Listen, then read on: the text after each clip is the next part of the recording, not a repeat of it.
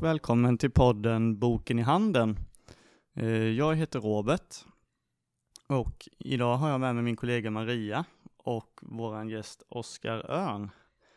Och han är här med oss idag för att diskutera Fjodor Dostojevskij och hans författarskap.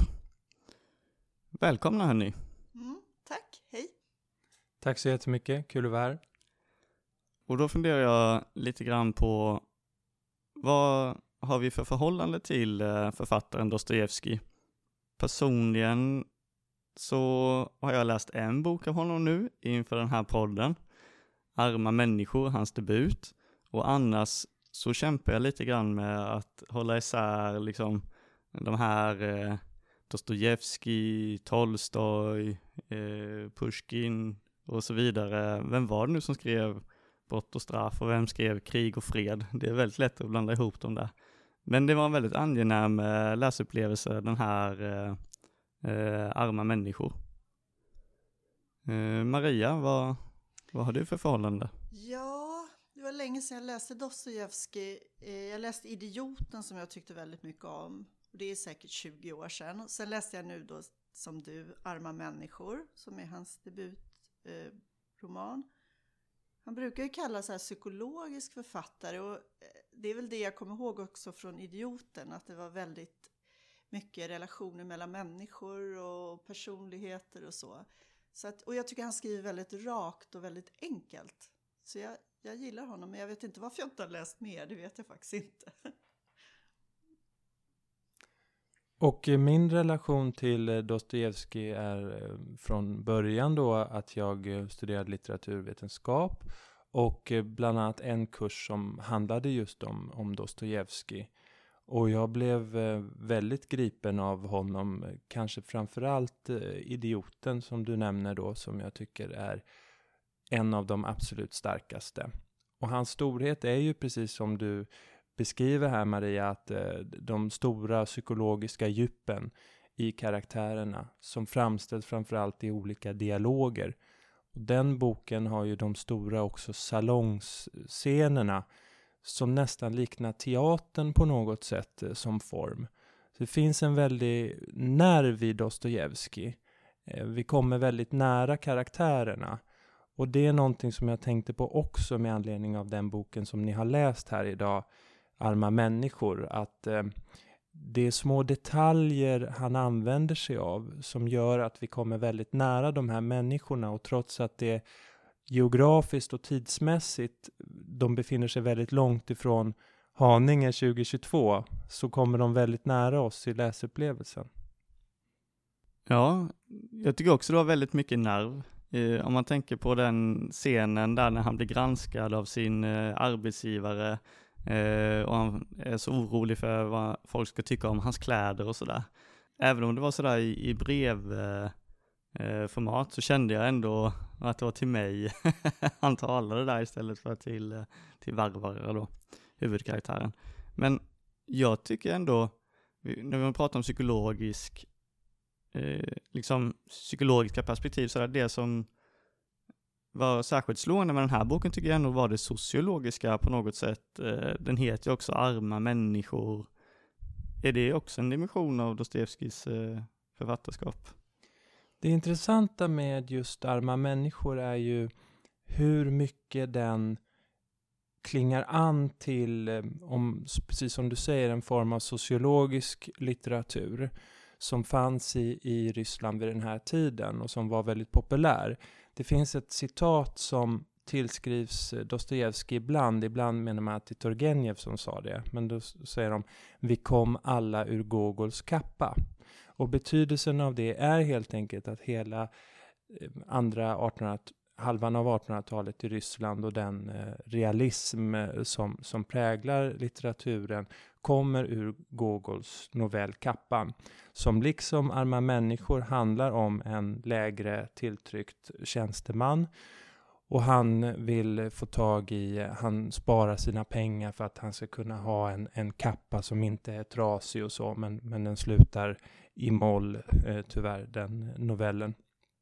Skillnaden som är något någonting helt eget Dostojevskiskt redan i hans debut, eh, kontra typ eh, mer sociologisk studie av Gogols Kappan. Det är att man så att säga kommer karaktärerna så pass nära att man är i deras inre liv och de vägrar att bli utanifrån betraktade med ett sociologiskt raster. Vi får ju veta att Makar Devushkin har läst en novell och det, detta är just Kappan som han har läst. Och han har känt sig så personligen kränkt av den här texten. Därför den har så att säga utifrån, han känner att det är han själv som har blivit analyserad. Och de, han känner, det finns ingenting mer om mig att säga. De har liksom beskrivit hela min situation. Och där lägger Dostojevskij an en slags beskrivning av individen där det finns alltid no någonting mer. Man skulle kunna kalla det för en slags andlig dimension också. Man kan inte helt utifrån, utifrån perspektiv om klass eller kön eller eh, vad det nu kan, kan vara fastställa att detta är Makar Devushkin. Det finns också någonting i personligheten som kanske inte går att ta fasta på, men som finns där. Och det är det där som också lever i Dostojevskijs texter. Kanske saker som han så att säga inte skriver ut i texten, som gör karaktärerna så levande psykologiskt. Ja, för när jag läste den här Arma människor, då tänkte jag ju på de här äh, franska realistiska författarna väldigt mycket. Det var innan jag läste det här eh, briljanta efterordet faktiskt i den här översättningen som jag har läst nu av Bengt Samuelsson. Och då tänker jag också att vad är det som gör att den här inte blir någon så här pamflett? Det är en sida som är lite pamflettartad, sida 99, alltså där man känner att det finns ett, man känner ju patos hela tiden, men där det blir lite programmatiskt, lite, lite vad ska man säga, lite eh, utifrån sådär, inte inifrån de här karaktärerna. Jag tycker det var intressant faktiskt att han lyckas med det här att man, som du sa också Robert, att man känner liksom att det talar till en. Det spelar ingen roll att de har helt annan situation än vad jag har nu. Eh, men jag vet inte om det är andlighet eller det tycker jag är intressant. Eller om det bara är bra eh, beskrivning av människor. Men det, det skulle jag inte ha tänkt på att det var något andligt. Kan du utveckla det lite, vad som menas med det? Eller vad du tänker? Ja, det andliga, den andliga dimensionen den kommer kanske ännu starkare till uttryck i hans senare romaner. Även om Dostojevskij under hela sitt liv var kristen så um, kommer det starkare diskussioner om religionen och, och ateismen och ryska ortodoxin kontra västerländska katolicismen och så vidare. Men det finns en litteraturvetare som verkade i Sovjet eh, som, kallas, eller som hette Bakhtin.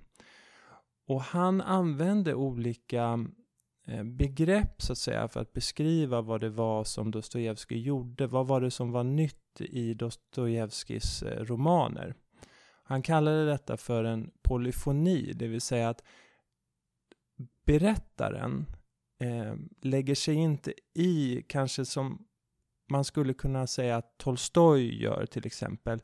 Han lägger sig i och för sig inte i som, som författare, men han, han står så att säga utanför sitt verk med total kontroll över sitt verk och vad han vill beskriva händelsemässigt och karaktärerna i den. Medan Dostojevskij kan låta för honom själv helt motsatta åsikter eh, hos människor få, få, få sin egen individualitet och ställa dem mot varandra. Och ett antal begrepp som han använder Bakhtin kan man säga, han pratar till exempel om den stora dialogen. Och det här har många trott, det här är en slags, han, han, han drar över vad det egentligen handlar om därför att religion var förbjudet i Sovjetunionen.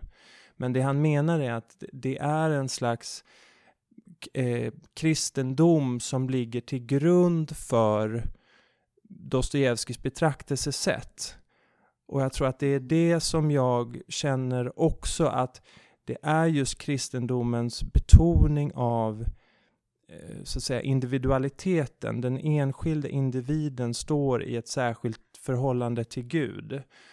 Och just det här också som jag var inne på tidigare, det här hur man avstår från att helt och fullt beskriva en människa utifrån några variabler. Bakhtin kallar detta för att hans karaktärer är ofullbordade. Därför är de väldigt eh, psykologiskt levande samtidigt som de ofta är väldigt svåra att förstå sig på. Eh, det finns någonting där som man inte helt kan, kan förklara och, och det här menar jag, eh, inte bara jag, men det här tror jag är en funktion av Dostojevskijs eh, religiösa sida, just hans eh, psykologiska beskrivningar. Mm -hmm, vad intressant. Det här att de känns så komplexa. Ja, du är så ofullbordade. Nu tänkte jag bara sådär fritt att eh, de är ju komplexa, sammansatta och väldigt brist, har många brister, hans karaktärer. Mm. Absolut, han var ju själv en person som eh, ja, han, han, han levde ett väldigt utsvävande liv. Han eh, hade psykologiska problem. Han hade problem med, fick stora epilepsianfall, liksom först Myrskin i Idioten. Han var väldigt svartsjuk på sina älskarinnor och sina fruar. Och han såg, tror jag, detta att hur, eh, så att säga, eh, bristfällig en person kan vara. Eh, och detta fick ännu större djup när han eh, tillbringade tio år i fångenskap i Sibirien och fick möta verkligt eh, kriminella personer. Hos dem såg han både att det kunde finnas eh, källa till, till ondska och godhet. Det fanns också en väldig godhet hos den ryske fången, men, men han stötte också på en väldig ondska. Men han kunde se att människan rymmer allting. Hon är inte perfekt, men det hon alltid kan nå, om hon vill, det är försoning och nåd hos Kristus. Eh, det, det, låter som att jag predikar här, det, det, gör jag inte. Men, men, men man måste förstå att, att religionen var väldigt viktig för, för Dostojevskij. Mm. Och att den kommer till uttryck i karaktären och personbeskrivningen och så. Ja. ja. Mm. Är det inte lite grann en, eh, jag fick lite sådär religiösa vibbar av den här personen som, eh, nu minns jag inte vad han heter, men hans familj bor i samma hus som Marka Devushkin i Arma människor. Och eh, han är utsatt för eh, att han kommer i lag med eh, andra kriminella människor. Det är en lång eh, juridisk eh, liksom process och till slut så blir han friad. Och när han äntligen är ur det här svåra så eh, lägger han sig ner och sen då eh, plötsligt dör eller nästan så här finner frid på något sätt. Minns ni den scenen mm, också? Ja. Du menar, du tänker döden som en som en fortsättning eller att han Ja, jag tänker på det här typ ja. att, att finna frid eh, kanske och att jag tänker att man, ja precis, kommer till himmelen kanske i någon mening eller så. Och eh, men jag kände att det var en, eh, ja men kanske, ja, det fick ju mig att reflektera över eh, typ något, någon andlighet ändå i all den här väldigt eh, verklighetsnära eh, berättelsen eh, och så. Så det var bara en liten reflektion över eh, den här andligheten i hans, ja i den här boken då. Det som är väldigt starkt i, i den ryska eh, ortodoxa kristendomen, det är ju detta att du, du ska lida i livet, så att säga. Det är, det är nästa liv som du, som, då kommer du till paradiset. Och mycket av det som Dostojevskij vänder sig emot med europeiska idéerna som får inflytande i Ryssland, det är just materialismen. Och, och då gör han väldigt intressanta så här, politiska analyser som man kan tycka är helt befängda. Han tycker att katolicismen, socialismen har kommit ur katolicismen. Och han vänder sig också mot, mot eh, liberalismen eller kapitalismen, vad man ska säga. Men all, all, alla dessa europeiska idéer handlar om att bringa paradiset till jorden. Och det är det han vänder sig mot, att nej, här i, i livet ska man, ska man eh, lida. Och det som också finns väldigt starkt i eh, många karaktärer handlar ju just om eh, vi pratade om eh, Gogols kappan, han ska få sin kappa så han får respekt på jobbet och så. Men ofta handlar det om en ovilja hos Dostojevskijs karaktärer att få hjälp eh, på olika sätt eller få pengar eller ofta hos kvinnorna då att eh, så att säga bli en handelsvara i form av hemgiften från mannen. Därför att man, man så att säga vägrar att reduceras till, till, till någon slags materiell status utan det handlar väldigt mycket om att bevara sin värdighet och stolthet som, som människa. Det där är väldigt starkt hos Dostojevskij. Jag är lite nyfiken på honom som person. Du sa eh, lidande och så. Han, var han en lidande person? Han verkar ju ha haft ett, ett besvärligt liv. Han var ju en eh, väldigt sammansatt eh, person. Han skulle ju nästan ha kunnat bli en karaktär i någon av sina egna rom romaner.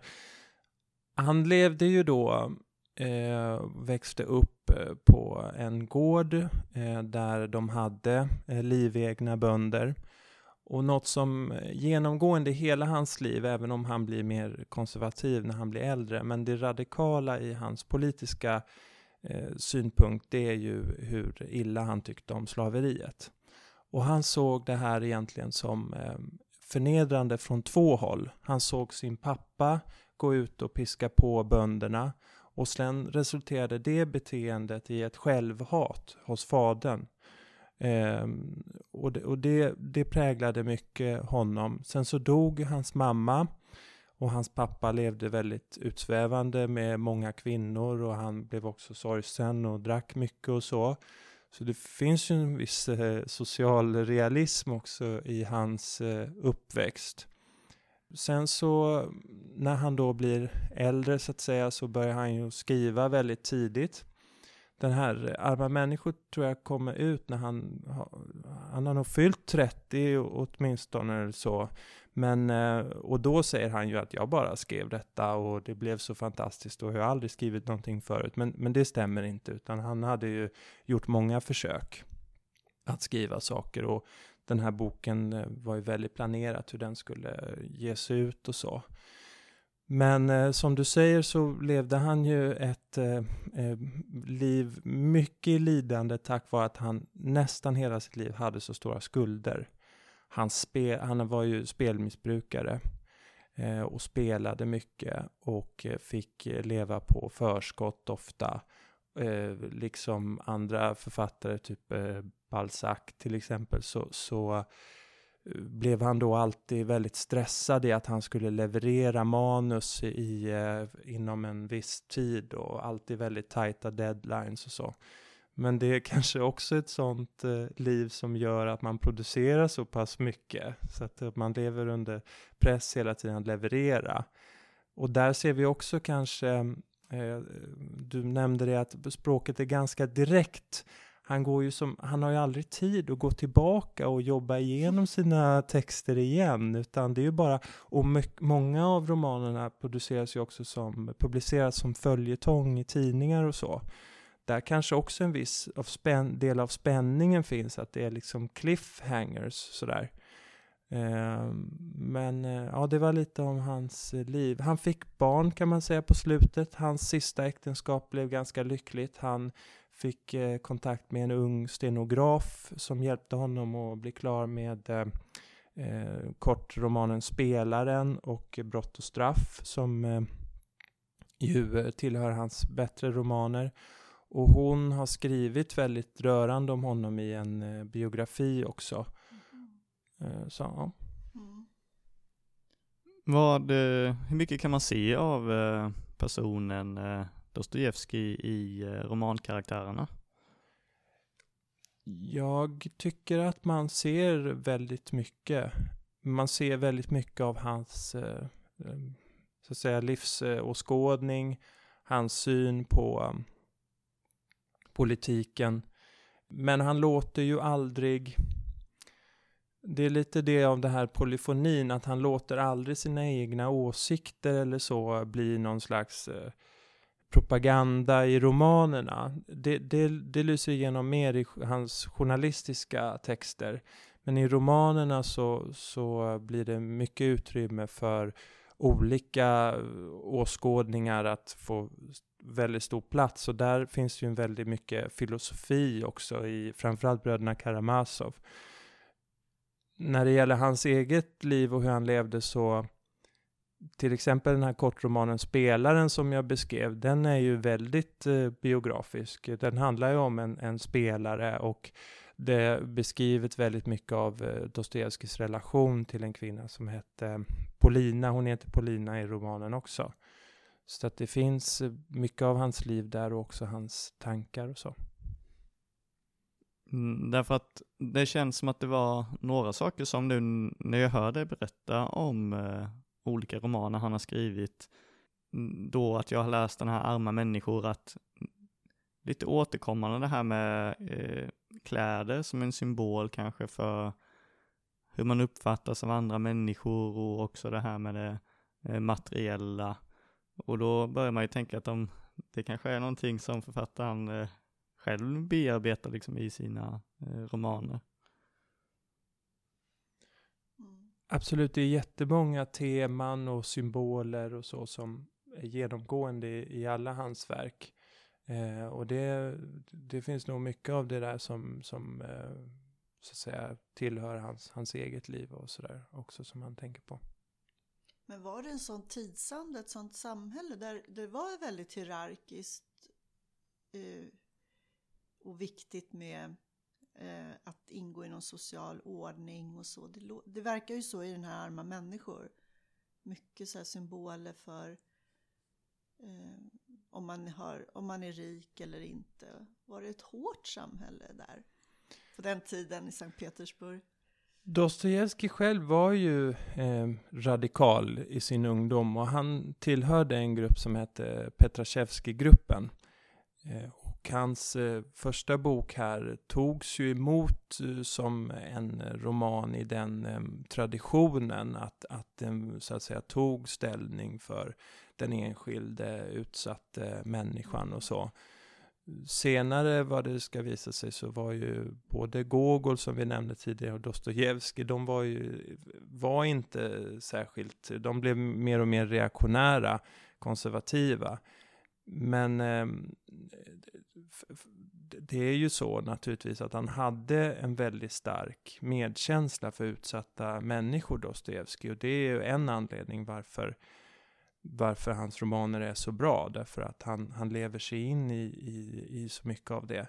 Däremot kan man säga att boken är ju inte så att säga regimkritisk riktigt, utan Ehm, det är ju då detta tsarsamhället som, eh, som ju inte bara hade eh, liksom stora klassklyftor och så, utan som också var ett väldigt repressivt eh, samhälle med hemlig polis som, som fingerade här och var. Och det var ju på grund sen av att Dostojevskij läste upp eh, en litteraturkritiker som heter Belinsky. Han var radikal och hade skrivit ett brev till Gogol där han var så förgrymmad över att Gogol kom ut som konservativ. Och när Dostojevskij läste upp detta brev i Petrashevskij-gruppen så togs han till fånga av tsarens hemliga polis dagen efter. Och de var tio personer som eh, fördes till en, ehm, eh, att bli avrättade. Och det här du beskriver den här scenen i eh, Arma människor, det var intressant för jag mindes inte den. Detta är ju skrivet innan han var med om det. Men det som det var fråga om var en skenavrättning. Så att då skulle man liksom skulle man få veta då att tsaren har nu benådat dig, du ska istället ut i fångläger i Sibirien. Och då kanske någon slags eh, psykologisk, alltså nästan vad man kan beskriva som Stockholmssyndrom ungefär. Att, att här växte någon slags tacksamhet i tsaren, att han hade räddat hans liv. Men just den här scenen när han tas ut där och tror att han ska dö. Och så beskriver han varje sekund som att den kan vara värd en hel eh, livstid. Eh, det finns återspeglat i romanen Idioten. Och det, är ju, det utstrålar ju en väldig så att säga, tacksamhet över livet och så vidare. Och det, men det var intressant att en sån scen fanns redan i hans debutroman, alltså det här eh, hur man, hur man eh, möter döden helt enkelt. Ja, Oskar, du nämnde tidigare att eh, huvudkaraktären i Arma människor Makar, att eh, han hade blivit beskriven av eh, Gogol. Eh, och då pratar, liksom, det kommer till uttryck i romanen att Marka säger detta. Men han och Varvara utbyter ju också en del lästips och sådär och litteraturen är ständigt eh, närvarande i, eh, i romanen. Är det, är det någonting som är vanligt i, eh, i Dostojevskijs andra böcker och vilken roll brukar liksom litteraturen spela i, i hans verk? Ja, det är en väldigt bra fråga. För det första så var ju Dostojevskij inte bara författare, utan han var ju en stor läsare. Han var en väldigt läsande person. Och läste ju, han älskade ju Gogol och eh, Pushkin framförallt av, av eh, ryska författarna. Pushkin är ju den stora nationalskalden, framförallt stor med sina dikter. Eh, och är väl kanske än idag faktiskt eh, Eh, den ryska författare som betyder mest i hemlandet, kanske ännu större än Dostojevskij och Tolstoj. Men det finns också mycket i hans kommande verk där, eh, där litteraturen, eh, han på olika sätt knyter an till litteraturen eller olika händelser tas upp som exempel på någonting som skulle kunna förekomma i en roman av Balzac eller så. Faktiskt innan han kom med den här debutromanen så hade han fått eh, översätta en eh, roman av Balzac. Ehm, eh, jag är så dålig på franska men Eugénie Grandier eh, om, om en fattig flicka, en kort roman av eh, Balzac som han eh, fick översätta. Så att han var ju väldigt Eh, Eh, litterärt eh, bevandrad så att säga. Sen finns det tyvärr inte så mycket av vad man vet om till exempel Tolstoj och Dostojevskij, vad de tyckte om varandra. De var ju samtida. Men vi vet att eh, Dostojevskij var väldigt imponerad av krig och fred. Vi vet från eh, hans fru eh, Anna Dostojevskijs eh, biografi att hon träffade Tolstoj efter Dostojevskijs död och att Tolstoj uttryckte beundran för Dostojevskij. Men Tolstoj tyckte också att Dostojevskij var en väldigt slarvig författare och inte alls, eh, han nådde ju inte alls upp till Tolstojs stil eller så. Eh, sen har vi också Turgenev som är en väldigt viktig författare som också var samtida med eh, Dostojevskij. Och han blev eh, tyvärr eh, ovän med Dostojevskij därför att Dostojevskij efter den här eh, debuten med Arma människor. Han blev väldigt stursk och väldigt kaxig. Framförallt för att han tog så väl om hand av eh, litteraturkritiken Belinsky som tyckte att här är, har vi vår nya Gogol. Så han eh, blev eh, förlöjligad av Turgenev på en salong. Eh, och eh, kunde väl aldrig förlåta honom för det. Dessutom var Turgenev betydligt mer europeiskt influerad. Han var en, en, en europé mer, mer än en ryss och det kunde inte Dostojevskij förlåta honom för. Sen finns det också tillfällen när Dostojevskij utfattig i Schweiz skriver till Turgenev och ber honom låna pengar. Och jag tror att han ber om 100 rubel och han får 50 rubel.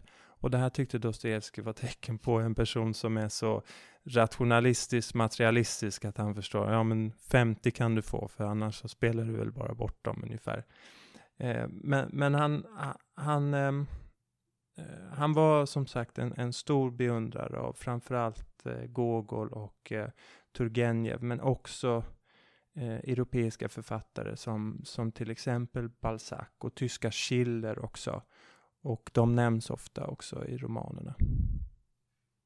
Men är det också, förutom språket hos Dostojevskij, för jag har ju läst den här Kreuzersonaten av Tolstoj, den är också mer kylig, alltså i beskrivningen av människor också. Det, det, det, jag vet inte, men Dostojevskij, det känns som det är känslor. Det får vara liksom mer känslor, mer, eh, eller var det kanske nerv som du sa, att eh, någonting sånt? Som, alltså, man känner någon slags... Eh, ja, det är väl det, direkthet. Det, det, känns som att han bara skrivit rakt ut, men det kan han naturligtvis inte ha gjort, för han var ju jättelitterär och kunnig och allting, men det, man upplever det så, men så kan det ju vara ibland med olika författare. Det upplevs som det är väldigt enkelt skrivet, men det behöver ju inte betyda att det inte jätte, ligger jättemycket arbete bakom. Jag tror att det är exakt så. Alltså, Dostojevskij skriver inte med något stort språk, men det, dels är det extremt eh, funktionellt, alltså det fungerar. Han, han är en väldigt bra storyteller, han berättar en historia. Men sen ligger också väldigt mycket i eh, Eh, han har ju inte som Tolstoj, Tolstoj, om vi tänker krig och fred, där är det ju långa krigsbataljer som beskrivs och han beskriver naturen på ett väldigt utförligt sätt. Och Dostojevskij finns ju i för sig staden Sankt Petersburg ofta väldigt eh, påtaglig som en, nästan som, man ser staden som en karaktär. Men det är ju inte naturbeskrivningar och det är ju inte långa Mm, han kan ha beskrivningar av hur en person ser ut, men då är det ofta kopplat till att det, det på något sätt beskriver den här personens personlighet. Så det är väldigt mycket ligger i just dialogen och eh, eh, det psykologiska spelet mellan människor helt enkelt. Och där är han, där skulle jag säga att eh, språket är eh, väldigt bra. Och precis som du säger, det är inte någonting man bara kan, det är någonting man har jobbat på. Att en fantastisk scen är, som jag tänkte bara läsa upp här, det är Nastasia Filipovna, en kvinna som vuxit upp under eh, eh tråkiga förhållanden och som har blivit eh, förälskad i, i först Myrskin, i idioten. Och hon dras mellan den gode Myrskin och den onde Ragoshin. Eh, så dyker hon upp på en, på en salong och, och eh, ja, hon håller på med lite koketteri och så vidare. Och så säger först Myrskin till henne, skäms ni inte? Ni kan ju inte vara den kvinnan ni nu ger er ut för att vara. Det kan väl inte vara möjligt? Nej, jag är faktiskt inte så där. Han har rätt i det, viskade hon hastigt och ivrigt och blev plötsligt alldeles röd i ansiktet, vände sig om och gick den här gången ut med så snabba steg att ingen riktigt hann uppfatta varför hon hade kommit tillbaka. Och det här i den, den här det är en sån här typisk där jag tycker att Dostojevskij, när man läser det så är det nästan stor teater på något sätt. Och de, det är så mycket av karaktären som kommer fram i dialogen. Stefan Zweig har skrivit en text om Dostojevskij där han säger att han jämför med de eh, naturalisterna i Frankrike som kom sen, Zola till exempel. Han säger Zola kan beskriva en människa med hundra yttre attribut. Men Dostojevskij kan få oss att lära känna henne med en enda replik ännu bättre. Och då tar han som exempel eh, pappa Karamazov som får läsa ett brev från sin unga älskarinna och utbrister min lilla kyckling. Och bara av den här repliken så kan vi se honom, vi ser hur han går och svettas och han är svartsjuk och han går omkring för sig själv och han dricker och, och allt det här. Och, och jag tycker det är ett perfekt exempel på hur eh, han just arbetar så mycket med, eh, med replikerna. Det är det. Kanske också ger den här direktheten och lättheten att läsa. Det är väldigt modernt också när du läser den där eh, stycket som du gjorde nu. Det, det är väldigt modernt. Jag kan inte förklara varför, men jag tänkte så här, det där kunde ju vara nu en tv-serie eller vad som helst. Det är väldigt bra. Men det kanske är för att han är en storyteller. Alltså jag blir mer och mer intresserad av Dostojevskij. Jag måste läsa om alla böcker. Men hur är Dostojevskij relevant idag eh, för samtiden?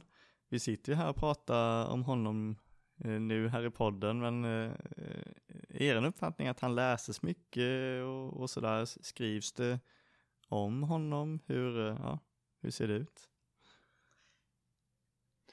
Ja, det, det första svaret på den frågan är ju att han fyllde precis 200 år i november och blev ju firad i Ryssland. Det var någonting på eh, Boris Jeltsins presidentbibliotek firade man honom. Man var vid eh, Dostojevskijs grav och så. Och eh, ryssarna är ju så att säga, de, de är ju, eh, alltså litteraturen är väldigt viktig. Eh, och eh, all, alla ungdomar måste ju läsa Tolstoj och eh, Pushkin och Dostojevskij och Gogol i skolan. Och eh, det är klart att det där kan ju ibland tyvärr också missbrukas därför att eh, de blir så att säga symboler för nationen och kan ju också poli politiska regimen användas som som eh, så att säga det här, de största författarna, de var ryssar. Och vi, alltså det, blir en, det blir en nationalism hur, hur de används som kan vara ganska otäckt eh, på något sätt. Men där kan man ju ändå säga att han på det viset är, är relevant idag. Eh, det som jag tror också gör att, att man läser honom, det är precis som du sa där, att det här skulle kunna utspela sig idag. Och Karl-Erik Lagerlöf som var duktig, eller han är, han, han lever fortfarande, eh, men han är inte verksam idag som litteraturkritiker. Men han beskriver just skillnaden mellan eh, arma människor och eh, till exempel Gogols kappan. Att Gogols kappan är nog litterärt ett större verk. Eh, men den, den har en sån distans att vi förflyttar oss i tid och rum och, och tittar på, på um, tjänstemannen där som att det här är en karaktär i 1840-talets Ryssland. Eh, Makar Devushkin och Varvara är Arma människor, de får leva på ett sånt sätt som gör att eh, vi får veta om deras inre liv, vi ser hur eh, solen eh, strålar in på dem och olika detaljer i beskrivningarna gör att Ja, men det skulle kanske inte kunna vara Sverige 2020 därför att det, det, det är en annan tid. Men låt säga ett, ett u-land där fattiga människor eh, konverserar och bor eh, eh, mitt emot varandra i fönstret så här som, som har en fattig situation och som, men som precis som en, en människa i en så att säga, högre klass har tillgång till de här stora passionerna och, och stora kärleksförklaringarna och, och det här eh, litteraturutbytet som ni beskriver mellan varandra. De, de blir eh, levande och, och det, det, är väl någonstans där som han är en så stor författare och därför är han ju tidlös och skulle jag säga kommer ju läsas om 200 år också. Ja, det känns som att det är många saker som verkligen nog alltid kommer finnas den här jag tycker den scenen när han själv som är så utstött och fattig, han vandrar på gatorna och möter olika tiggare och sådär och hur han eh, ändå känner att eh, jag blir inte sedd eh, på det viset i alla fall. Och så tänker jag på Varvara som eh, får ett erbjudande om giftermål och funderar på, ska jag offra här min, min frihet eller på något sätt min eh, individualitet mot eh, Eh, ja, men större materiell trygghet och sådär eller inte och, eh, och hur hon förändras också som person efter det. Att det finns mycket som nog eh, tema som alltid kommer vara ja, relevanta och än idag. Ja, nej, jag kan, jag kan bara hålla med. Det, det, det är precis så. Han, det är ju till, någon, någonting, en, en tidlös konflikt han, han beskriver där, så att säga. En, en, Eh, så att säga en, en, eh, en drivkraft till, till, eh, till trygghet och så, men hela tiden bevarande av den egna värdigheten och stoltheten. Och det där, som jag var inne på tidigare, återkommer i många romaner, just kvinnans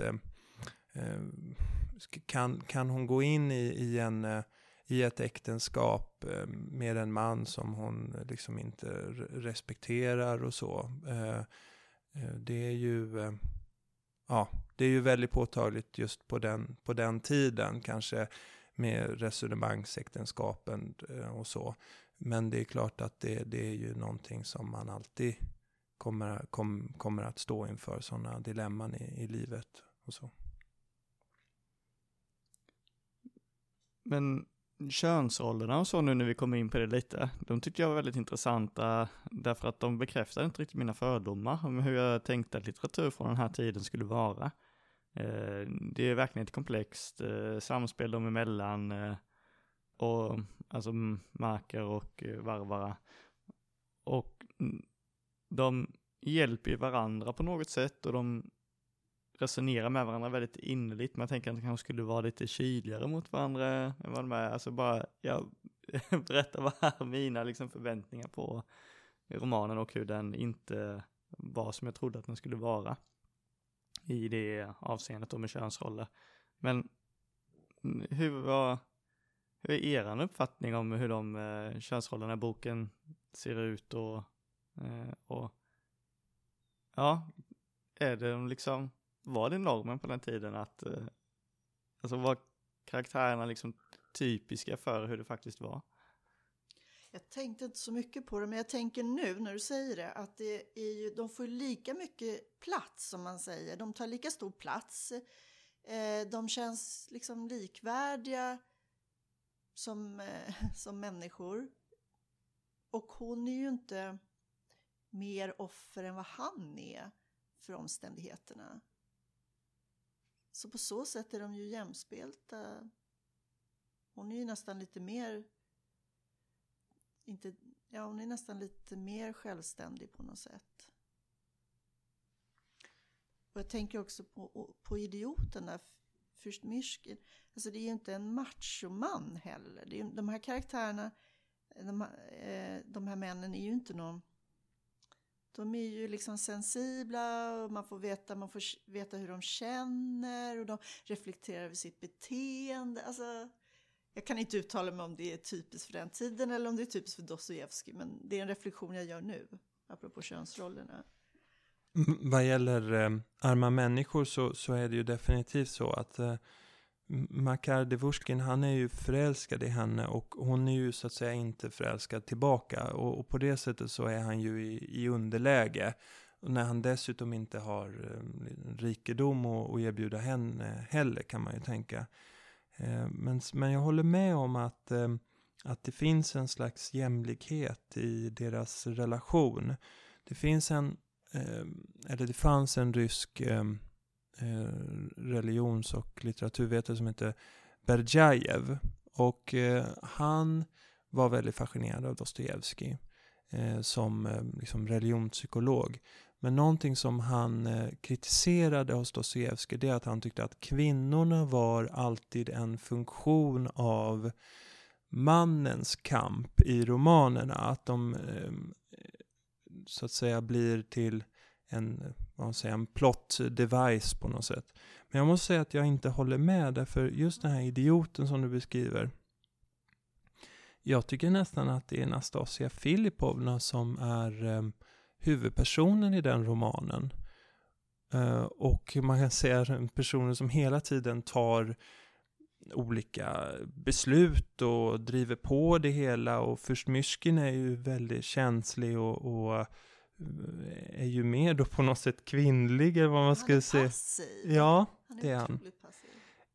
Sen skulle man naturligtvis, vill man läsa in mycket av eh, eh, könsrelationer i Dostojevskij skulle man kanske kunna säga att om man vill vara kritisk så kan man läsa in en, en sexistisk tendens i det att kvinnorna är eh, beskrivna som eh, väldigt eh, impulsiva, eh, starka känslomänniskor och, och eh, att man då vill ställa det mot mannens eh, rationalitet på något sätt och så. Men saken är ju den, precis som du är inne på, att männen är ju också känslomänniskor i, i Dostojevskij. Och um, det här tycker jag också är en funktion av hans uh, djupbottnade eh, psykologi och hans syn på människan som irrationell och ehm, eh, väldigt ehm, eh, mångtydig. Det finns också ofta i Dostojevskij någon har beskrivit det att storheten är också att det ofta finns tre eller fler anledningar till en karaktär. Om det hos en sämre författare finns så att säga en, en eh, psykologisk eh, anledning till beteendet eller en klassmässig beteende så finns det hos Dostojevskij så många bottnar. Till exempel så vet vi det att Nastasia Filipovna har ju blivit eh, utnyttjad i sin barndom eh, av en äldre man som, eh, tag, som hon fått bo hos, en slags ställföreträdande fader som heter Totski.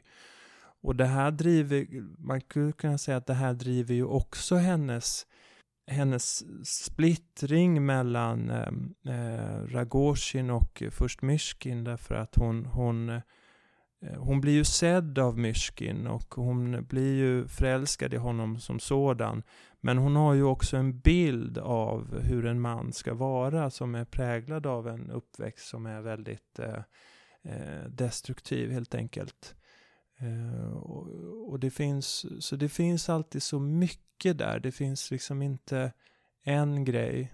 Raskolnikov också, eh, mördaren i Brott och straff, han säger sig vilja mörda för att testa en idé. Han är ju någon slags napoleonsk eh, övermänniska, tänker han. Men det är ju också så att han behöver pengar för att eh, rädda sin syster från att ingå i ett eh, resonemangsäktenskap.